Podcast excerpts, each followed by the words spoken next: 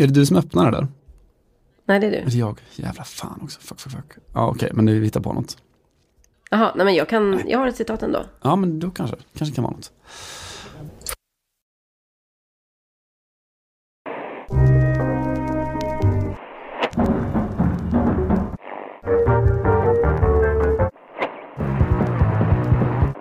Sedan 1998 har fotbollen bytt dimension.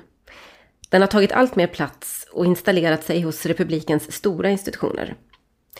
Ibland har den satt tonen för aktualiteterna och tvingat på oss sin existentiella ångest. Från Black Blanc-firandet 98 till det identitära psykodramat i Naisna 2010. Våra landslagsneuroser avhandlades ibland först i Likip innan de invaderade tv-debatterna. Skriver Nikolaxis Martov på husorganet SoFoot som får inleda veckans Fosbal Radikal. Simon Bank, hur mår du? Eh, mycket bättre än jag gjorde för ungefär 25 sekunder sedan, känner jag nu. Faktiskt, vad fint att öppna sådär. Hur du, hur ofta har du fått in existentiell ångest, identitära psykodramer och landslagsneuroser på tre på varandra följande meningar i en text? Jag känner alldeles för sällan. Jag tror att många av mina läsare känner alldeles åt helvete för ofta. Ungefär så. Det är, jag ska klargöra det, att det, det som han benämner då, det är Frankrike förstås vi befinner oss i, och det så kallade Black Blanc-firandet, det är alltså Black Blanc var ju när man eh, döpte om egentligen den franska trikoloren. Black som i svart och blanc som är vit och beurre som i arab ungefär. Eh, efter 1998. Ni känner till det, hur, hur eh, det här landslaget fick stå som symbol för hela den, den lyckade delen av den franska invandrarintegrationen och så vidare. Eh, psykodraman, psykodramat i Naisna, det är ju i Sydafrika då. Säger man så? 2010. Naisna? Är det så? Alltså, ja. Det är ett stumt K där. Naisna, South Africa. Alltså alla fransmän säger så. Ingen annan människa hade ju någonsin hört talas om den här orten, varken innan eller efter. Men eftersom det pratas om det så jävla ofta. Det här är ju alltså eh, där man låg på läger då. Och där den här berömda, eh, famösa spelarstrejken utbröt. När de helt enkelt vägrade att träna som en protest mot, eh, ja, det var förbundskapten Dominic och det var det ena med det andra. Det var så här, den eh. lyckade föreningen av Frankrikes två nationalsporter, fotbollen och strikandet. ja, precis så. Verkligen så. Um, det här är en... Fråga hur du mådde. Svarar du på det förresten? Jag svarade att, att de mår bättre. Allt bättre. Ja, just det. Bättre än för vad det var 25 sekunder innan. Ja, just det. Förlåt. Okej, superkort minne här. Eh, nej, det, jag tyckte den här texten var lite slående. Den, den är ju extremt eh, ja, vad kan man säga, både högtravande och kanske pretentiös. Men den är dagsfärsk också och handlar om eh, i grunden då beslutet att ställa in all professionell fotboll i Frankrike på minst tre veckor framåt. Fyra, ja, ännu mer är det nog, tror jag. Och som ni säkert känner till så blir ju morgondagens när vi spelar in det här på tisdagen, men kanske dagens när ni lyssnar på det kan jag tänka mig. Match då mellan PSG och Dortmund eh, inför tomma läktare.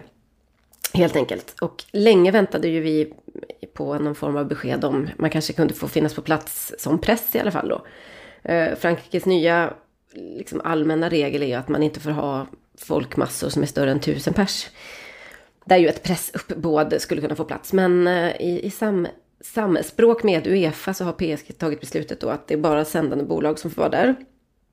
Så det blir väl bara våra kollegor från Viasat och från Sverige möjligtvis som får sitta där i i liksom ett totalt eh, tomrum och mm. eh, kommentera en match som nästan inte är.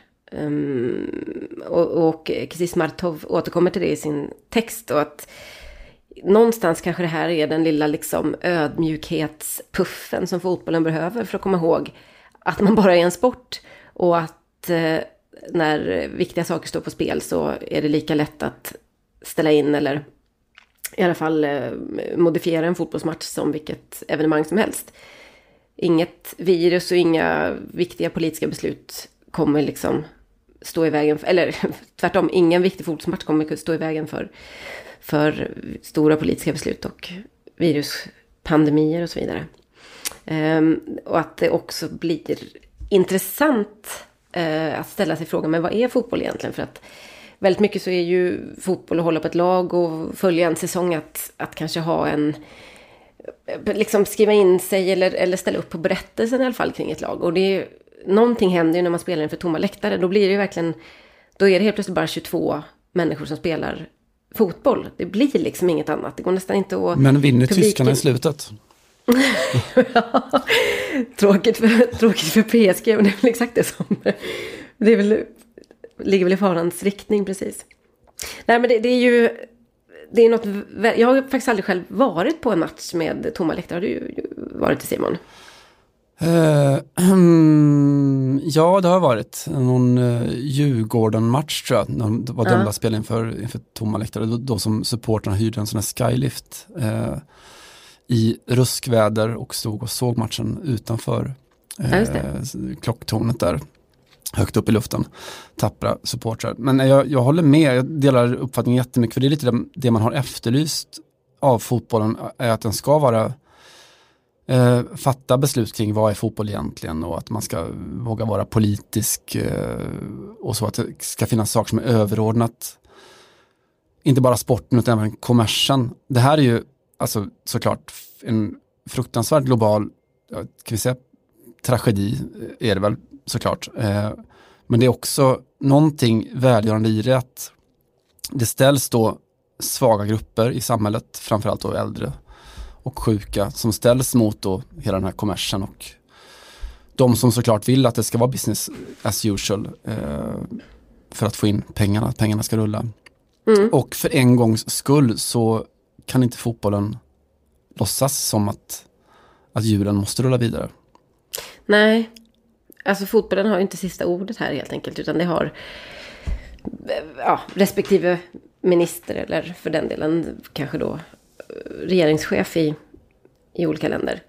Men det är också, det blir ju också tydligt när man är mitt inne i ett sånt här säsongsupplopp som man någonstans ändå är liksom i, i början på mars. Och ja, det börjar kanske utkristalliseras vilka lag som kommer tampas om titeln i olika länder. Och ja, I vissa ligor det, har det varit klart sedan länge och så. Och Champions League kliver in liksom i slutspelsfasen och man bara känner att pulsen stiger och stiger och stiger. Och så, det är som att någon drar bort mattan lite grann. Ja, men nu får vi inte spela fotboll av säkerhetsskäl på så och så många veckor. Eh, och vi kan inte garantera att Champions League kommer kunna spelas klart. Och uh, alldeles oavsett så kommer det antagligen bli väldigt många matcher då inför tomma läktare.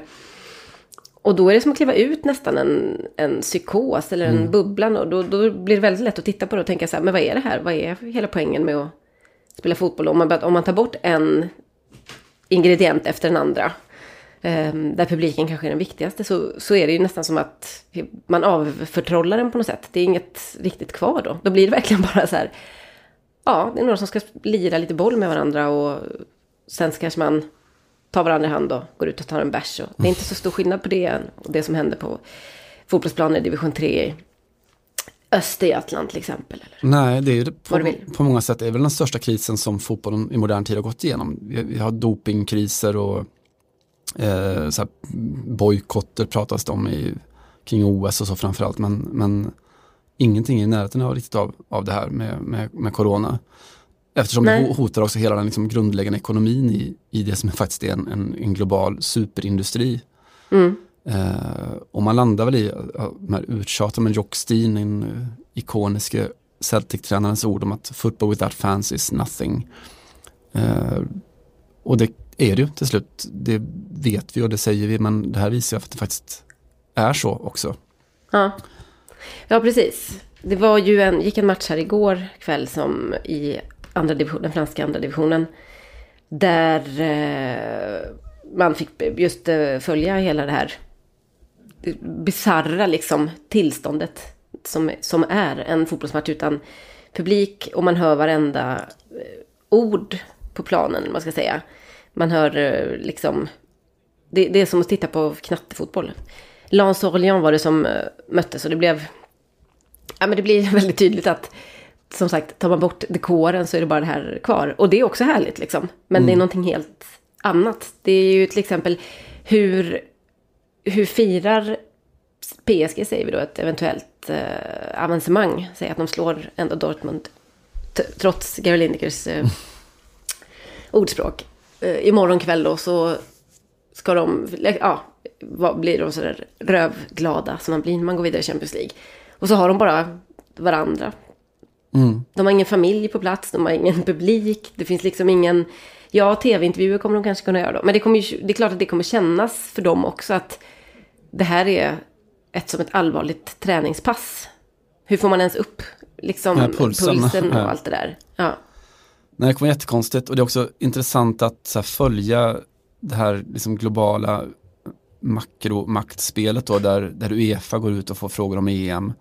Få frågor som väcktes då när Uefa har sitt stora möte men, men eh, där Ceferin, då, Uefa-presidenten, försöker i sin upphöjda cynism då tona ner och säga att ja, men vi måste vara positiva och paniken är, kan mycket väl vara värre än själva, själva smittan.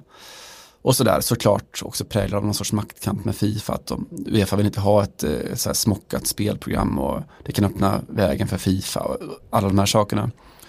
Det är läskigt och det är bra, att få påminnelser då, dels den här visuella som du pratar om och, och sen också eh, såg att Balotelli har varit ute och eh, på sina sociala medier och kommenterat eh, corona. Nej, men vad glad jag blir över bara det faktum att han har gjort det.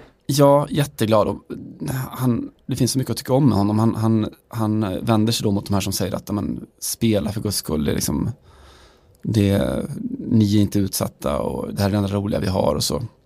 Eh, och ni är, ni är skyddade som spelare. Eh, och han, han skriver att men jag älskar fotboll mycket mer än vad ni gör. Men att vi som spelar, vi reser med bussar, och tåg och flygplan och bor på hotell och och Framförallt flygplan har jag hört. Just det. Låt mig återkomma till det. Eh, och kommer i kontakt med massa människor och, och sådär. Och att jag, jag får inte träffa mina, mitt barn. Eh, ni vet ju av kända skäl att hon inte bor i, i Lombardiet som jag gör. Eh, hon bor nere i, i Neapel ju. Eh, vilket är hemskt. Eh, och han lyfter också sin, sin gamla åldrade mamma upp i, i Brescia. Eh, som han då träffar och och äter hos varje kväll. Mm. Eh, och jag vill verkligen inte att hon ska smittas av mig. Eh, så att vi kan inte ta den här risken, ingenting är viktigare än, än hälsan. Fint ändå. Mm. Det är det, precis, det är väl det positiva med den här typen av globala kriser. Att man känner sig lite, alla känner sig lite närmare varandra för att de, det blir bara de absolut mest grundläggande behoven som är viktiga, nämligen att man får vara frisk. Eh, utöver då att eh, utsläppet av, eh, av koldioxid har minskat mm. radikalt. Och bla bla bla. Sen kan man ju konstatera att man, det är ganska många människor som drabbas rätt så illa av det här också. Jag har flera kompisar som är frilansare på ett eller annat sätt. En tjej som är pianist som fick en konsert inställd, vilket är också så. Då är det en månads lön liksom vi pratar om där. Eh, och då vet man inte hur länge man inte kommer kunna spela om det finns inga som helst eh, försäkringssystem eller skydd för någonting sånt. Och en annan som driver en butik som sa att, i Barcelona som sa att det jag kommer liksom inte, ja, jag kommer göra mina sämsta resultat någonsin och det går inte ens att säga när det här kommer ta slut och så vidare. Så att det är ju ehm, mycket tråkigt i det lilla. Eh, kanske en andningspaus i det stora. Eh, men ja, just den där känslan av att alla sitter lite grann i, lite grann i samma båt. Finns Vad fan ska inte... vi göra hela våren, Nej, jag vet Simon? inte. Du, förresten, finns det inte ett pianostycke som heter Corona? Jag vet inte. Det, det får i så fall ah, klippas in. Det finns ju en, finns inte en sån här eurodisco-grupp? När jag tänker efter. Hur går det för dem? det, alltså det blir ju obligatorisk utmarschmusik kände jag spontant nu. Nej, hårt ändå. Jag, jag nöjer mig, eh, om vi ska lyfta cynismen igen, med att konstatera att min egen livshållning är ju en vinnare i, i coronavirusets efterdyningar. Att jag som inte har investerat pengar på börsen av ideologiska skäl, jag som trivs ganska bra med att inte umgås så jättemycket med andra människor och jag som håller på Tottenham som genomgår sin största kris på tio år. Kom, kom atombomb, så känner jag. Du, du har nog lite pengar på börsen utan att du vet om det i diverse pensionsfonder och sånt där. Men jag hör dig i övrigt eh, Simon, helt rätt. Jag sitter också ganska så säkert. Det är absolut ingen risktagare heller ekonomiskt. Att, eh, men det hindrar ju inte att man gärna vill ha lite jobb i vår. Jag börjar känna att det är klart, det finns ju tre coronaartiklar kan man ju kanske liksom verka ur sig om man måste. Men om det fortfarande inte spelas någon fotboll mm. om, typ, om typ två månader, då vet du fan. Då är vi körda faktiskt. Ja. Det är jävla tur att vi har en podcast som inte handlar om fotboll särskilt mycket. Ja, och för, som i alla fall inte är beroende av att spelas matcher. Eh, vilket föranledde mig att ställa frågan, vad har hänt sen sist? eh, ja, vad har hänt sen sist? Inte jättemycket fotboll. Jag var iväg och så svenska mästarna förlora i åka ur Svenska cupen. Det är väl mm. mest den live-fotbollen jag fått i alla fall. Djurgården, Mjällby. Annars är det den där fasen av året som handlar väldigt mycket om om att vara på väg in i någonting, att vara på väg in i Champions League slutskede, att vara på väg in i allsvenska upptakten, att vara på väg in mot EM. Den tuffaste perioden av året på många sätt för att man, eh, man går och verkar och har ågren över att det ska bli jäkligt mycket jobb framöver. Eh, alltså extra dimension i år då? Man går runt och verkar och har ågren över att man har mycket jobb framför sig. Och sen så nästa läge, som kanske inte blir. Ja, ja. ja. Nej, så jag vet inte vad vi ska göra riktigt. Det är väl det jag har gjort eh, och köpt en mimosakvist för att eh, hedra internationella kvinnodagen. Det är väl ungefär så. Ja, ja. Fint. Den var jag. Såg du vad vår vän Bibiana Steinhaus gjorde? Nej, domaren. Nej, berätta för mig. Hon dömde på kvinnodagen då i söndags eh, en, eh, som vanligt i Bundesliga, matchen mellan Bayern München och eh, Augsburg.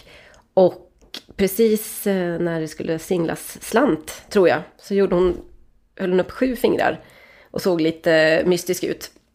Och det är ett eh, tecken då för att en av sju medlemmar i det, i det tyska fotbollsförbundet är kvinnor.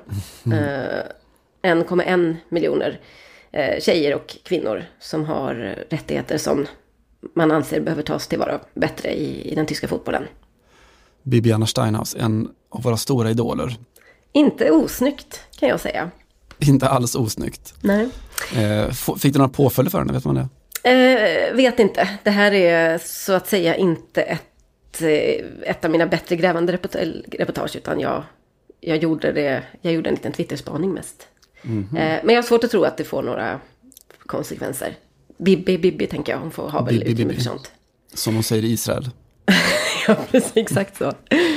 I eh, Frankrike har det spelats eh, damfotbollsturnering också parallellt med Algarve Cup. Detta kanske du har sett. Eh, där bland annat då det franska landslaget har eh, spelat eh, på hemmaplan. Och i en speciell, eller specialdesignad då tröja, just en åttonde match, med Simone Veil på bröstet. Mm. Simone Veil. Som gick bort i fjol kanske? Ja, hon gick bort 2017 tror jag mm -hmm. att det mhm. var. Förintelseöverlevare. Eh, fransk politiker och hälsominister. Eh, brinnande feminist. Medlem i Franska akademin. Och kanske allra mest känd för att det var hon som stiftade den första lagen om fri abort i Frankrike. En sämre, sämre emblem på tröjan kan man ju ha tycker jag, 8 mars. Så att eh, snyggt jobbat Marianne. Ja, fantastiskt. Så mm. lång Marianne. Anna, vet du vem jag sprang på här för det här? Lystring. Efter att vi har pratat hur mycket som helst om honom känns det som. Sprang jag faktiskt på Vikash Dorazo på mitt eh, kvartershak häromdagen. Åh, borgmästaren borgmästarkandidaten, han var där med sitt lilla kampanjgäng. De stod och, eller de hade stått utanför och delat ut flygblad och pratat med potentiella väljare. Och eh, det regnade lite så de tog en, en kaffe på insidan. Jag gick in och såg honom och sa, nej men hej. Han bara, nej men hej. Jag bara, ja alltså du vet ju inte vem jag är, men jag ska förklara. Han bara, jo jo, du är den där journalisten. Jag bara, okej det här är faktiskt sjukt på riktigt. Vi har ju, jag har ju pratat med honom på Nämnde han YOLO? nej, men han... Eh, så antingen så eh, har han bildgooglat mig som en idiot efter att vi pratade på telefon en gång. Jag gjorde en intervju med honom, ska jag säga, i somras. Eh, eller så är han, som min kompis sa, bara en, eh, citat, jävligt bra politikerämne, citat slut. Eh, en sån där som, så att säga, känner igen folk för att man måste. Eh, nej men han, de, de hoppas mycket här och det är nu, just nu, vad är det, fem, sex dagar kvar till första omgången i borgmästarvalet. Vi får väl återkomma med ett eh, resultat för Vikash. Men han, han kände sig hoppfull eh, själv, sa han. Vi kommer ha mycket tid över att prata om Paris borgmästarval, känns som. I skuggan av corona. Mm, Nej, imponerande av honom. Eller som någon kvinnlig bekant som testade något, något nytt väldigt fast eh, läppstift sa en gång att hon hade gått med det i typ tre dygn utan att få bort det och sa att det här är det här är fantastiskt, oerhört imponerande och lite, lite läskigt. Var det ja. så du kände när han spottade ditt utseende? Jag kände, jag kände mig faktiskt lite, lite bevakad på ett lite konstigt eh, sätt. Men det finns väl värre saker än att vara bevakad av, av eh, La France Insoumise som Vikash parti ju mer eller mindre tillhör. Absolut. Ska vi, ska vi ändå, när vi ändå avhandlar så att säga, kvinnofrågorna så vill jag gärna ta upp eh, Kosovare Aslanis kritik mot svenska tränare som kom ifrån eh, ja, Algarve Cup också. Eh, det var till, till eh, Fotbollskanalen tror jag som hon sa att hon tycker att Citat då, Sverige har legat i framkant eh, tidigare år och Sverige är landet där man har sneglat åt när det kommer till jämställdhetstänk och sättet man har valt att bygga klubbarna på. Men just nu har jag ett jättestort frågetecken kring damallsvenskan och deras satsningar. Eh, och så tycker hon då att det var mer professionellt 2009 när hon spelade sitt första år i damallsvenskan än vad det är nu. Eh, hur klubbarna är byggda och eh, ja, tränarna framförallt. Och inte, verkar inte vara så mycket då Eh, liksom kritik mot tränarna som i, sitt, eh, i sin roll som just fotbollstränare, men att de inte är några vidare ledare. Säger Kosse. Vad tror vi att hon menar med det? Alltså ja, ledare? Ja. Alltså, vet inte. Det kan ju vara ett eh, utfall av eh, någon borde ha tagit mig i örat lite mer. Mm. Eller kan jag tänka mig också en förlängning av den kritiken som hon hade mot, som hon haft tidigare mot, och inte mot, minst mot Pia Sundhage, att, att hon tycker att hon inte har fått samma utrymme uh, för att hon har haft liksom en, en stil som, och ett namn framförallt som inte har varit svenskt. Eller som har varit, uh, inte varit etniskt svenskt i alla fall. Jag, jag kan bara känna att Kosovare Asllani är en, en, person med många sidor och uh, hon är inte alltid jättelätt att, att ha att göra med i yrket. Men fan hon alltid levererar. Det är liksom, mm. det går inte att, det finns nästan ingen mer stridbar svensk idrottspersonlighet just nu väl, än hon, de senaste tre, fyra åren. Nej, eftersom hon är lite otippad sådär hela tiden, att det, det kommer inte det här, alltså det finns ju strider som, som tas, men som känns ganska givna, inte minst då jämställdhetskampen på, på damfotbollssidan och så. Eh, men den är ju ganska lättläst. Hon är inte det, varken som fotbollsspelare eller som, som debattör. Nej. Och det gör, gör henne sådär oavbrutet intressant på något vis. Ja, verkligen. Eh, och också typen som, alltså det finns ett fenomen i Sverige att man, man efterlyser hela tiden en levande fotbollsdebatt, men det känns som att det är väldigt få som är beredda att ta den, ungefär så. Eh, hon är hela tiden beredd att ta den. Också kanske att hon inte är urtypen från början i alla fall för att vara den här som ska liksom resonera kring eh, idrottspolitiska frågor eller ja, överhuvudtaget. Utan hon kom ju från ett helt annat håll och var liksom den lite kaxiga typen och den tekniska och allt det här som vi ofta pratar om kanske när vi pratar om, eh, om en sån som Zlatan Ibrahimovic också till mm. exempel. Eh, och att det är så, det är ändå en rätt cool utveckling det här att ha, ha behållit den sidan. Men samtidigt var, göra en sån bra, tycker jag ofta, eller i alla fall väldigt eh, grundad analys. Mm av, och inte vara liksom, inte var så här rädd för att skapa lite dålig stämning heller. Nej. Det är ju också kul att hon sparar de här sakerna tills när hon väl får prata med media, det vill säga när hon är med landslaget. I ja. så, så hör de inte det lika mycket. Exakt så.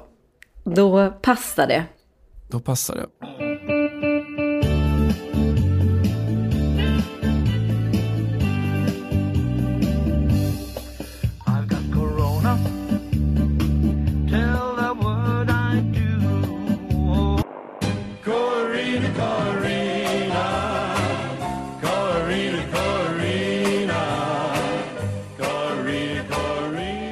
Har vi mer kvinnodagsrapporter från världen?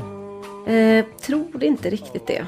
Eh, jag noterade att Henrik Mkhitaryan har fått en son. Det är inte mycket, ja det var minst en kvinna inblandad i och för sig i det hela. Eh, men vi måste bara nämna det för att han har ju döpt sin son till Hamlet då. Vilket ju Efter sig är, själv? Ja, det är väl hans eget andra namn mm. tror jag. Och hans pappas första, eller förnamn.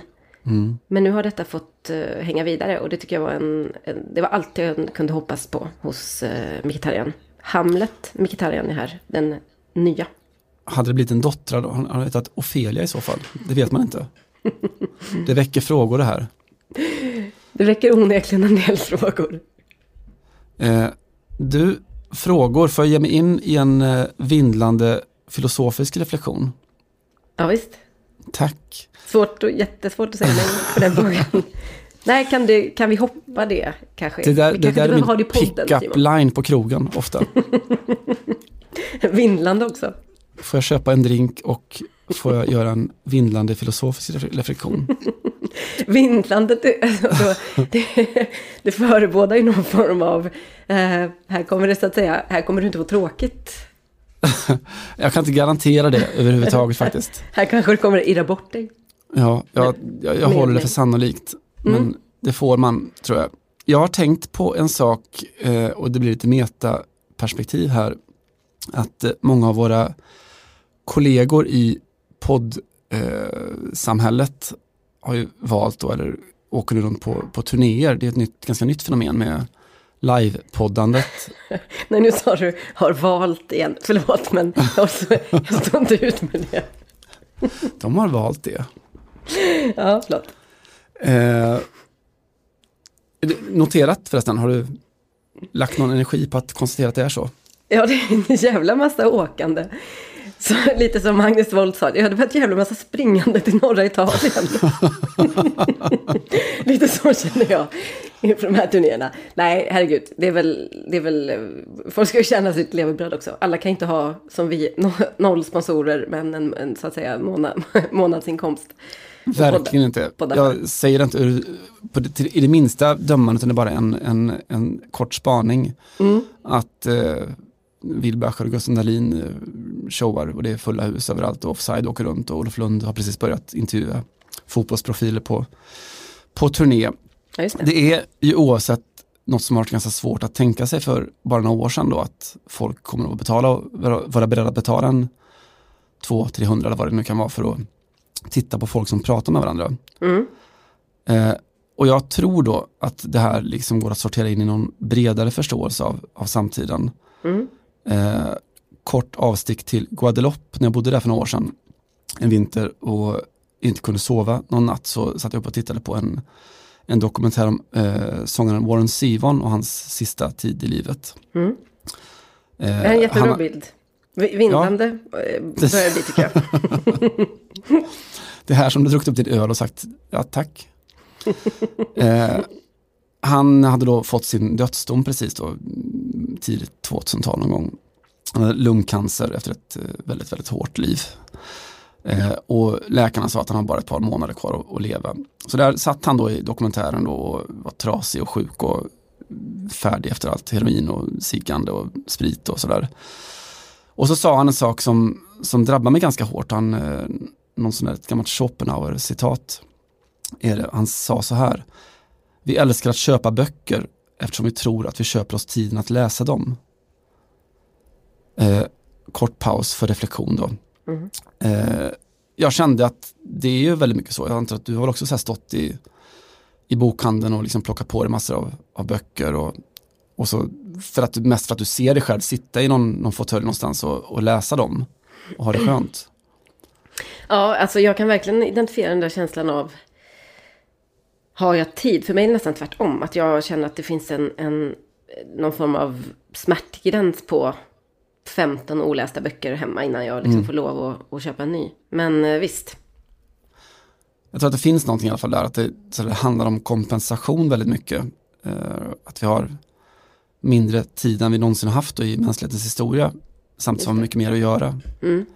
Så vi tycker om att tänka oss att vi läser böcker, vi tycker om att titta på matlagning på tv då, med massa människor som lagar god mat och äter den eh, runt brinnande ljus då, med sina goda vänner eftersom vi inte hinner med att göra det själva riktigt. Mm. Vi läser om mindfulness för att vi har inte det själva och vi kan betala 300 spänn för att titta på människor som, som pratar med varandra. Eller mm, lyssna på en, på en podcast istället mm. för att sitta i tre timmar med våra bästa vänner och snacka bara.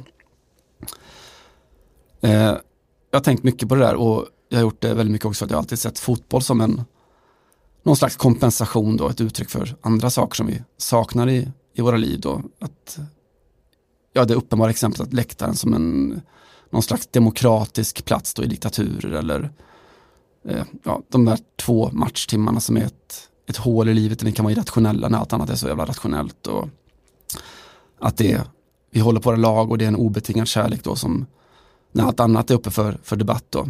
Det ger oss ett eh, sammanhang. Det ger oss ett sammanhang. Eh, som, vad hette han, han som skrev Roma, Roma, Roma. Eller som det heter, titeln på Roma, Roma, Roma är väl eh, att eh, Roma non si discute si ama. Vi, Roma är inget man diskuterar utan något man älskar. Mm. Eh, och så vidare. Och jag undrar om det är så längre med just fotbollen då för att jag varit inne på det förut tror jag, att 2020 nu så är liksom fotbollen samma sorts kapitalistiska globala verklighet som, som världen utanför. Att eh, ja, biljetter som är reserverade för medelklassen eller överklassen och ja, att verkligheten har blivit en pseudovärld med massa irrationella konflikter. Eh, så frågan är vad, vad, ska fotbollen vara då? Vad, när den politiska debatten är, inte längre handlar om diskussion utan om att älska eller hata helt obetingat och oreflekterat. Så min fråga då är lite så här, vilket oförlöst behov så är det, är det som fotbollen idag, 2020, svarar emot egentligen? Ja, alltså är det inte lite det där fortfarande att man inte vet hur det ska gå, att det inte går att räkna ut det på något sätt på förhand? Fast det vet man ju i högre utsträckning än i alla fall än förut, att man vet att de rika kommer att vinna i mm. slutändan. Eller tyskarna, eh, ungefär så. ja, just det. Eh, jag ska pitcha, för jag har landat i två stycken teorier, så får du liksom egentligen välja vilken som eh, attraherar dig mest. Ja. Eh, första spåret kan vi kalla för influencerspåret. Eh, för att vi tycker om att föra influencers också på webben för att de lever någon slags liv som vi bara kan fantisera om. Du vet, man testar kläder eller smink på Mallis eller bygger upp imperier i USA och köper miljardvillor på Lidingö och går i konkurs och allt det där som man drömmer om. Just det. Vet du att Le Monde uppmärksammade Isabella Löwengrips eh, konkurs? Åh herregud himlen. Mm. Med vilken take då? Var det en nyhetsreflektion eller? Uh, nej, det var en ganska lång artikel om liksom uppgången, alltså uppgång och fall mm. för en av de första ja, influencer skorna. ja, Ja, ja alltså fotboll, fotbollen, om man kollar på fotbollsspelarna så de ägnar ju fortfarande sitt liv åt att tatuera sig och skatteplanera och så. Eh, men det kan vi också göra om vi vill. Eh, men det finns en sak som fotbollsspelare gör som vi knappt får göra längre och inte kommer få göra längre. Och det är att de bombar världen med koldioxid. Mm. Tänker på. Och det har vi också pratat om förut, det här med att eh, lag som tar flyget när de egentligen inte behöver. Mm. I veckan nu som gick så gick spanska Greenpeace ut med ett upprop för att få då klubbarna i La Liga att eh, slopa de här korta flygresorna. Vad bra gjort. Eller hur? Mm. Du skrev ju före julen om hur, eller om du pratade om det, att Real Madrid då bar gröna tröjor när de mötte Espanyol i december där. För Just att det. det var klimatmötet i Madrid samtidigt. Mm. Med Fly Emirates då, på loggan på bröstet. Fly Emirates på bröstet och sen ett par veckor senare så tog de flyget till Valladolid som är ungefär en timmas resa med tåget. Mm. Eh, Barcelona flög till Valencia, det typ, kan det vara en och en halv, två timmar någonting med tåget. Det är helt sjukt. Greenpeace eh, går då ut med sin slogan Vi vill vinna ligan även mot klimatkrisen. Min tes då som du får bedöma är att eh, i framtiden då när alla vi andra måste skära ner på vårt resande kan man tänka sig att fotbollen då blir det som vi tittar på för att se människor som flyger mellan Malmö och Köpenhamn eller så. Det är förslag ett. Mm. Okej, okay, för att de kommer vara de enda som har kvar den här, det privilegiet. Precis så. Mm. Kompensatoriskt för vårt, vårt uteblivna resande så tittar vi på när Neymar flyger till, jag vet inte, Nantes eller något. Faktum är att New York Times gjorde en stor uträkning av det där hur, många, hur mycket de jag tror att det var topp tre, eller om det var de fem nominerade till eh, slutnominerade till, till Ballon d'Or, hur mycket de hade flugit. Mm. Och det var ju så här... Oj, gud vad roligt. Ja, det var ju fem varv runt jorden på Firmino till exempel, på, under en säsong eller något sånt där. Men så många gör bonuspoäng han fick? Otroligt många. Undrar om de får ta det? Nah, det, är inte, det, här är inte, det här är chartrade flyg va? Ja, det är det sant. Firmino riktigt sur över att han inte får tjäna lite miles på det här. De kanske har egna bonusprogram. kan vara. Kan vara. Kan mycket väl vara. Mm. Förslag nummer två, eh, och det hämtar jag då som vanligt från eh, Causa Operaria, eh, som är det brasilianska trotskistpartiets nättidning.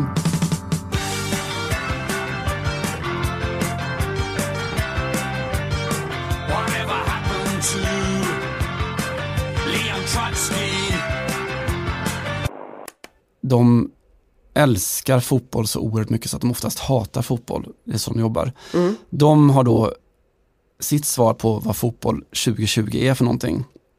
Eh, de är alltså ett parti som eh, då när man började kunna se den brasilianska landslagströjan på sådana här högerextrema demonstranter och då när Bolsonaro eh, omfamnades av alla jävla fotbollsspelare så lanserade de en egen landslagströja för Brasilien som var röd med då det brasilianska emblemet till vänster på bröstet och hammaren och skäran till höger. Och de då, trottarna, har väldigt tydliga idéer om fotbollen 2020. Ja. Eh, de har bland annat då senaste månaden lanserat följande teorier. De är emot utländska tränare i Brasilien eftersom det återskapar kolonialismen. Ja. De eh, håller då, eh, ungefär som Neymar och hans pappa, eh, Neymar som världens bästa spelare då, som är motarbetad av imperialistisk media. Jaha, Neymars pappa tyckte kanske mer att det var socialism som satte stopp för Neymar om du minns. Potato, potato. Där, de inte riktigt, där kan de eventuellt vara lite oöverens då, men visst. Mm. De, de, kan nog enas där att det är i alla fall någon sorts mediekonspiration som är emot Neymar. Mm. Eh, de trottarna då ser också VAR som ett kontrollinstrument för den imperialistiska fotbollen som då vill se till att resultatet följer ekonomiska intressen Mm. Och så exemplifierar de det då med, med VM-finalen när då Kroatien, eh, de förtrycktas lag, dömdes bort mot den imperialistiska kolonialstaten Frankrike. Jag hade varit mycket mer imponerad om de hade drivit tesen att 1-7 mot Tyskland egentligen bara var en stor eh, europeisk konspiration. Semifinalen där på hemma-VM. Ja, fast den, den skriver de mer på att eh, det brasilianska interna förfallets konto. Mm. Eh, right. Det har förstås som allting annat med klasskamp att göra. De ser hela fotbollssporten, eh, liksom allting annat, som en arena då för klasskamp. Jag läser det här och tänker att det är en tröst i alla fall att man kan se det på det sättet. Eh, för att, eller ja, de är ju tokkattar såklart, trots kristerna men de ser i alla fall fotbollen som en kamp fortfarande och inte som en förlorad strid. Kampen fortsätter, imperialismen ska krossas. Slutknuten, slut, slut, punkten eh, är väl just det. Vi fortsätter kämpa, att fotbollen fortfarande är levande och att vi kan, det är en kamp som kan vinnas. Ja. Eh, Skulle jag välja en, en, analys här så kanske jag ändå tar den första då. Vi köper den, eh, mm. Greenpeace-varianten, influencerspåret. Vi gör det och sen mm. konstaterar vi att Warren Sivon levde, eh, han fick domen att han skulle leva ett par månader till, han levde ett år till. Han, han både spelade in en sista skiva och se sina barnbarn födas. Shadows are falling and I'm running out of breath Keep me in your heart for a while När du ska envisas med att prata politik, Simon. Förlåt. Ett av dina favoritämnen i den här podden. Det och var, om det nu är någon, om man kanske ens kan skilja dem åt, jag vet inte. Eh, så vill jag ändå uppmärksamma en lite speciell läktarreaktion i Spanien. Då är vi i andra divisionen här. Och när Albacete skulle möta Rayo Vallecano häromdagen, häromveckan var det väl, så stod en viss Roman Sosolia i eh, fokus. Viss eh, reservation för efternamnet där. Han är eh, från Ukraina i alla fall. Och en ganska uttalad, liksom, vad ska man säga, stödröst eller i alla fall eh, någon, någon, form av eh, ja, någon form av påhejare eh, till den ukrainska fascismen helt enkelt. Han har varit, eh, men han har framförallt tagit eh, väldigt mycket initiativ i kriget då mot Ryssland. Och bland annat skickat mycket pengar och insamlingar och så vidare till, till för, ukrainska förband. Även startat någon egen liten sån sido armé eller vad fan man ska kalla det. Ett litet sånt, inte vet jag, kavalleri drar jag till med. Nej, det är hästar och grejer va? Hur som ja, helst. Okay. Eh, ett förband helt enkelt. Ett förband, tack så mycket.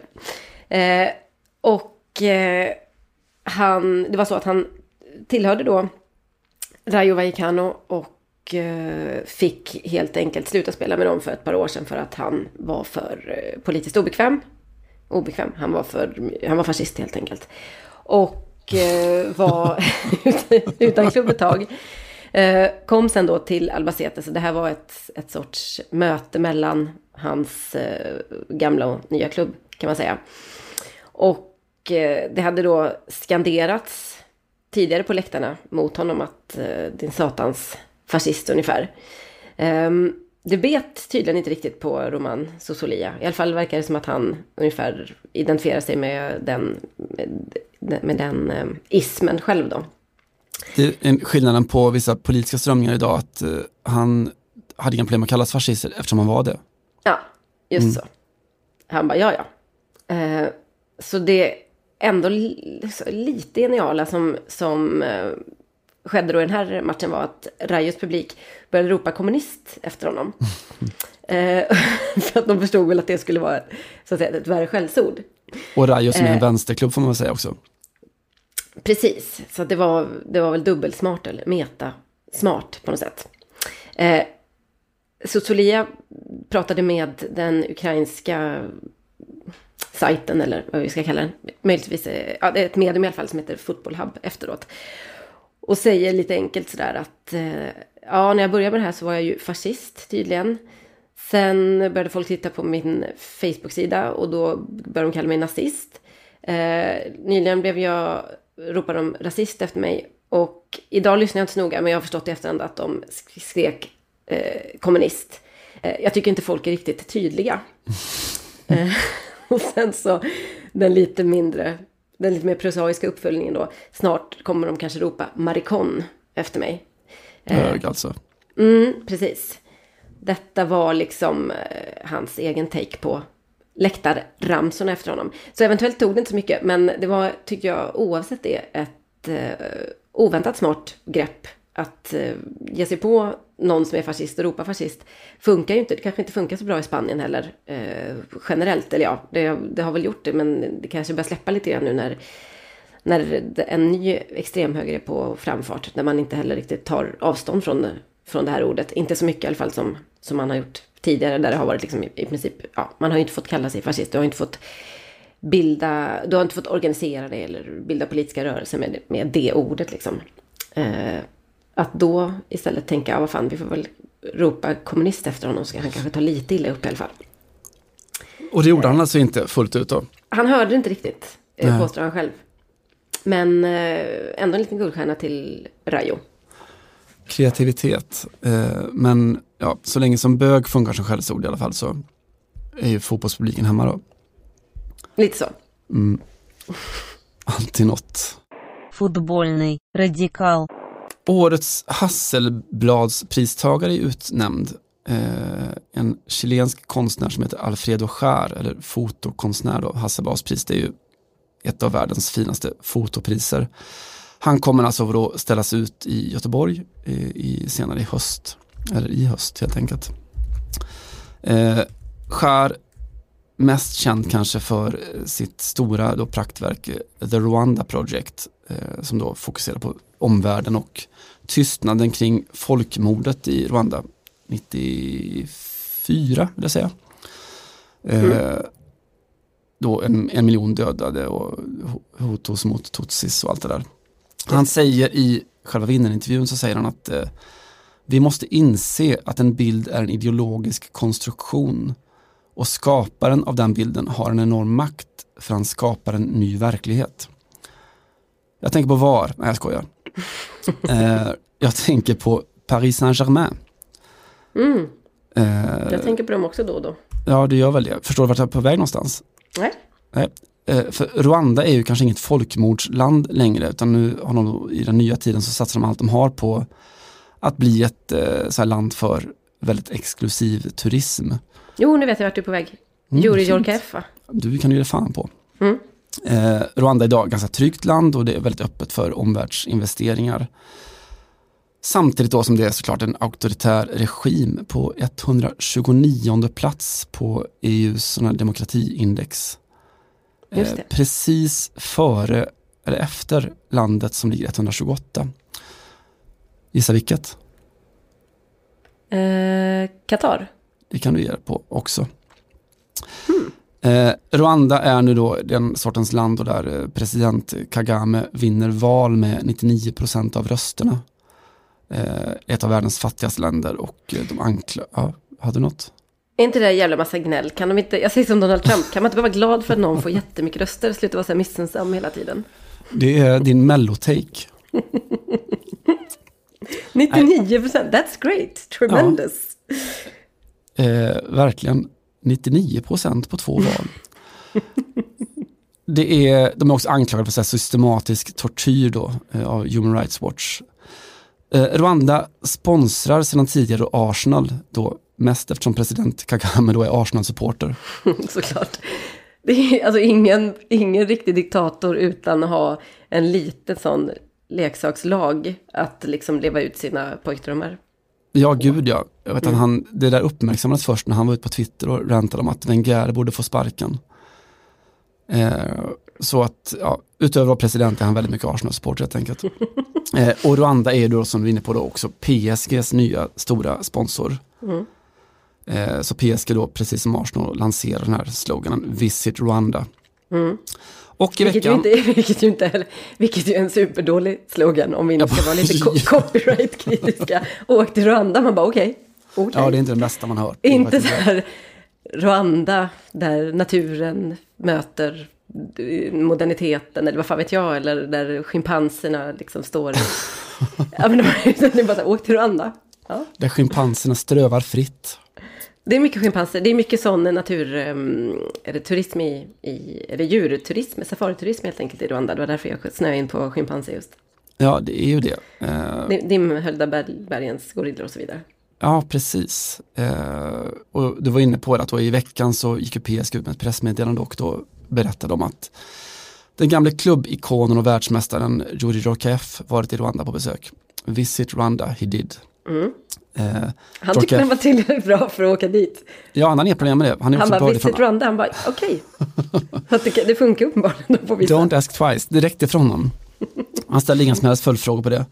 Han är bördig från Armenien också, så han borde ha koll på det här med folkmord och sånt. Men han hade det för jävla fint i Rwanda. Ja. Eh, kan man konstatera efter att titta på filmen därifrån. Han var där och eh, meddelade PSG då, eh, kollade på Rwandas outstanding natural resources. Han eh, testade the rich aroma of Rwandian coffee. Eh, kaffe som nu då serveras i PSGs VIP-loger såklart. Det här är bättre eh, copyright-slogans, kan jag säga redan nu, utan att lägga någon värdering i landet. Det är ju så rich, de bygger, borde bygga det. The Rwanda, rich aroma. The, the, country of rich aromas eller någonting. Vad är det? Azerbaijan, land of fire. Ja. Det är sådär lite mindre tydligt och Det är inte jättebra i, så här, i, i klimatkristider kanske. Nej, det, det, finns ju en poäng där. Jag vet inte, det är så här uh, Enköping, Sveriges närmaste stad. Ja. Något sånt. Eh, JKF kollade också in anläggningarna då där de ska starta PSGs eh, lokala akademier. Eh, och det här passerar ju bara såklart. Eh, och jag har liksom inte så jävla mycket att säga om det eller analysera kring det mer än att eh, jag undrar liksom om, om, Paris skulle kunna vara mer rövklubb än de är. Om de verkligen, verkligen, verkligen försökte. Nej, den är, den är svår alltså. Det är inte många sådana felsteg som de har missat på slutet. Äh, missat att ta alltså. Utan det är verkligen, de har verkligen så här skitat ner sig med nästan allt som bara går. I, alltså allt som är så här otvivelaktigt eh, skumt, dåligt och diktatoriskt har de lyckats på något sätt gulla med. de prickar. Jag kan faktiskt kasta in ett kulturtips då. Uh, vet inte vilken utsträckning man borde tipsa om uh, Fifa-juristers uh, sidoverk, men... Och Rich Roma.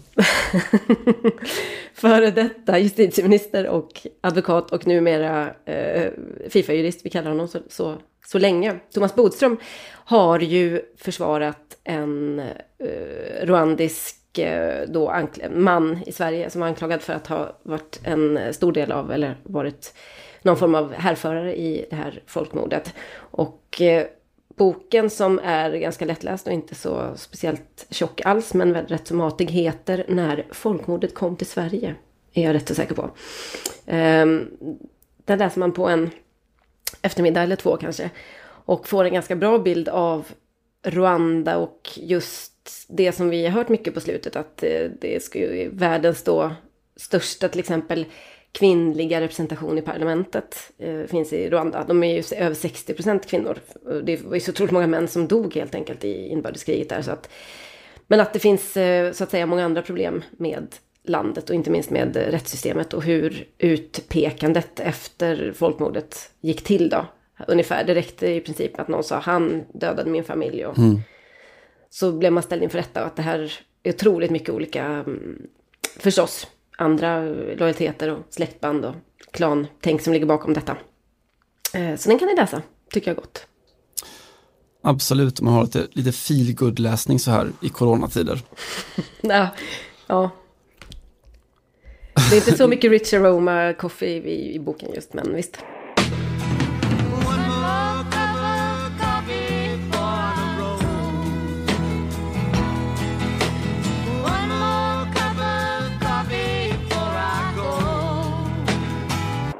någon WAG har väl inte riktigt den här veckan va? Ja, kvinnodagen. Det kanske går emot lite vad i... kanske. Det är inte helt korser. Jag har i alla fall en, oklart vad, men en... Eh, jag har i alla fall en kvinna. Ja. Som, som någon, någon nattchef sa, jag tror att det är preskriberat nu, men eh, i Sportbladets gryning när det var prat om att vi hade alldeles för, för få kvinnor i tidningen. Eh, och han fick skäll för att, men tittar i tidningen, det är inte, inte en enda kvinnlig idrottare i hela Sportbladet idag, det här är för jävligt. Och han sa, nej vi har inga kvinnor, vi har i alla fall en häst. På något Jens Orbakts sätt. Jag hade också en eh, härlig syster till min mormor som bodde i Kanada. Hon bodde med en häst där. Jag tyckte det var underbart. Eh, jag tänkte... Har du en häst eller vad är det du har? jag har en som är bäst i alla fall. Eh, mm. Jodie Comer, eh, en aktris eh, som då har fått sitt stora, stora genombrott med att spela psykopatisk seriemördare i, jag tror att det är HBO som sänder den, en serie som heter Killing Eve. Inte jättebra, men hon är helt fantastisk. Eh, hon har då fått både en sån här Bafta, alltså eh, engelsk Oscar kan man säga. Och en Emmy för sin, sin roll. Eh, hon är lysande, extremt som språköra, eh, inte minst då. Eh, jag bara fastnade för henne och kollade upp varifrån hon kommer just eftersom hon var så då lingvistiskt briljant. Att hon pratar lite ryska och lite italienska och utan att kunna prata språken så, så pratar hon det i, i sin roll Eh, och blev lätt chockad när jag såg att hon är ifrån Liverpool, eh, born and bred scouse. Eh, och då brukar man normalt inte ens kunna prata engelska riktigt. Well, that, that's what I mean. I mean, the, the size of the away dressing room compared to the home dressing room. Normally, wherever you go, that's the, the bigger, the better dressing room. But... Men det gör hon verkligen. Och hon kvalar in i podden genom sin lingvistik, men också genom sin familjehistorik. Hon är, visade sig då, eh, dotter till Jimmy Comer, eh, ikonisk sån massör i Everton, fortfarande kvar där. ja, en ikon, ikonisk massör. Va, vad mer vill man bli? Nej, det är allt man vill bli. eh, Jimmy Comers claim to fame egentligen i bredare folklager var eh, när West Bromwich för några år sedan slog, eller tog poäng i alla fall av Liverpool, jag tror Jonas Olsson spelade där.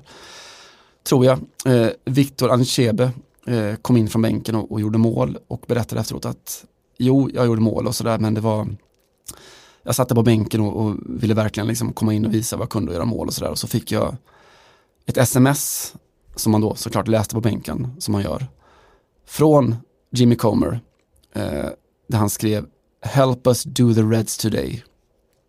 Hjälp oss att spöa Liverpool. Och det gjorde de ju. Han kom in, gjorde mål. Eh, Liverpool tappade ju titeln sen då. Mm -hmm. eh, och mycket handlade om Steven Gerrard som halkade, men det var alltså Jimmy Comer som stal guldet från Liverpool, Jodie Comers pappa.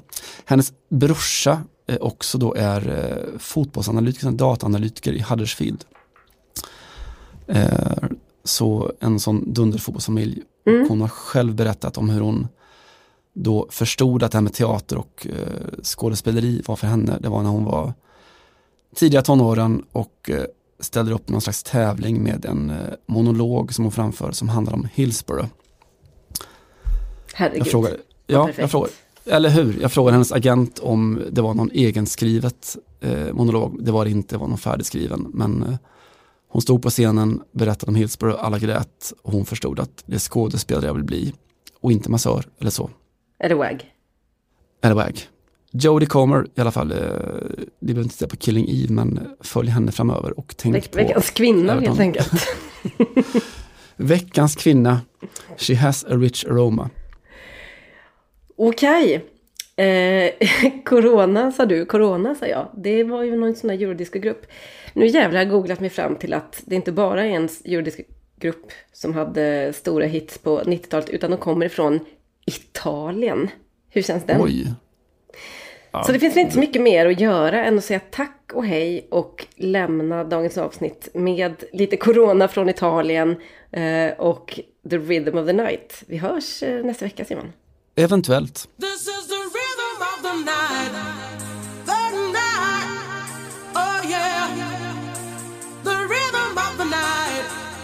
This is the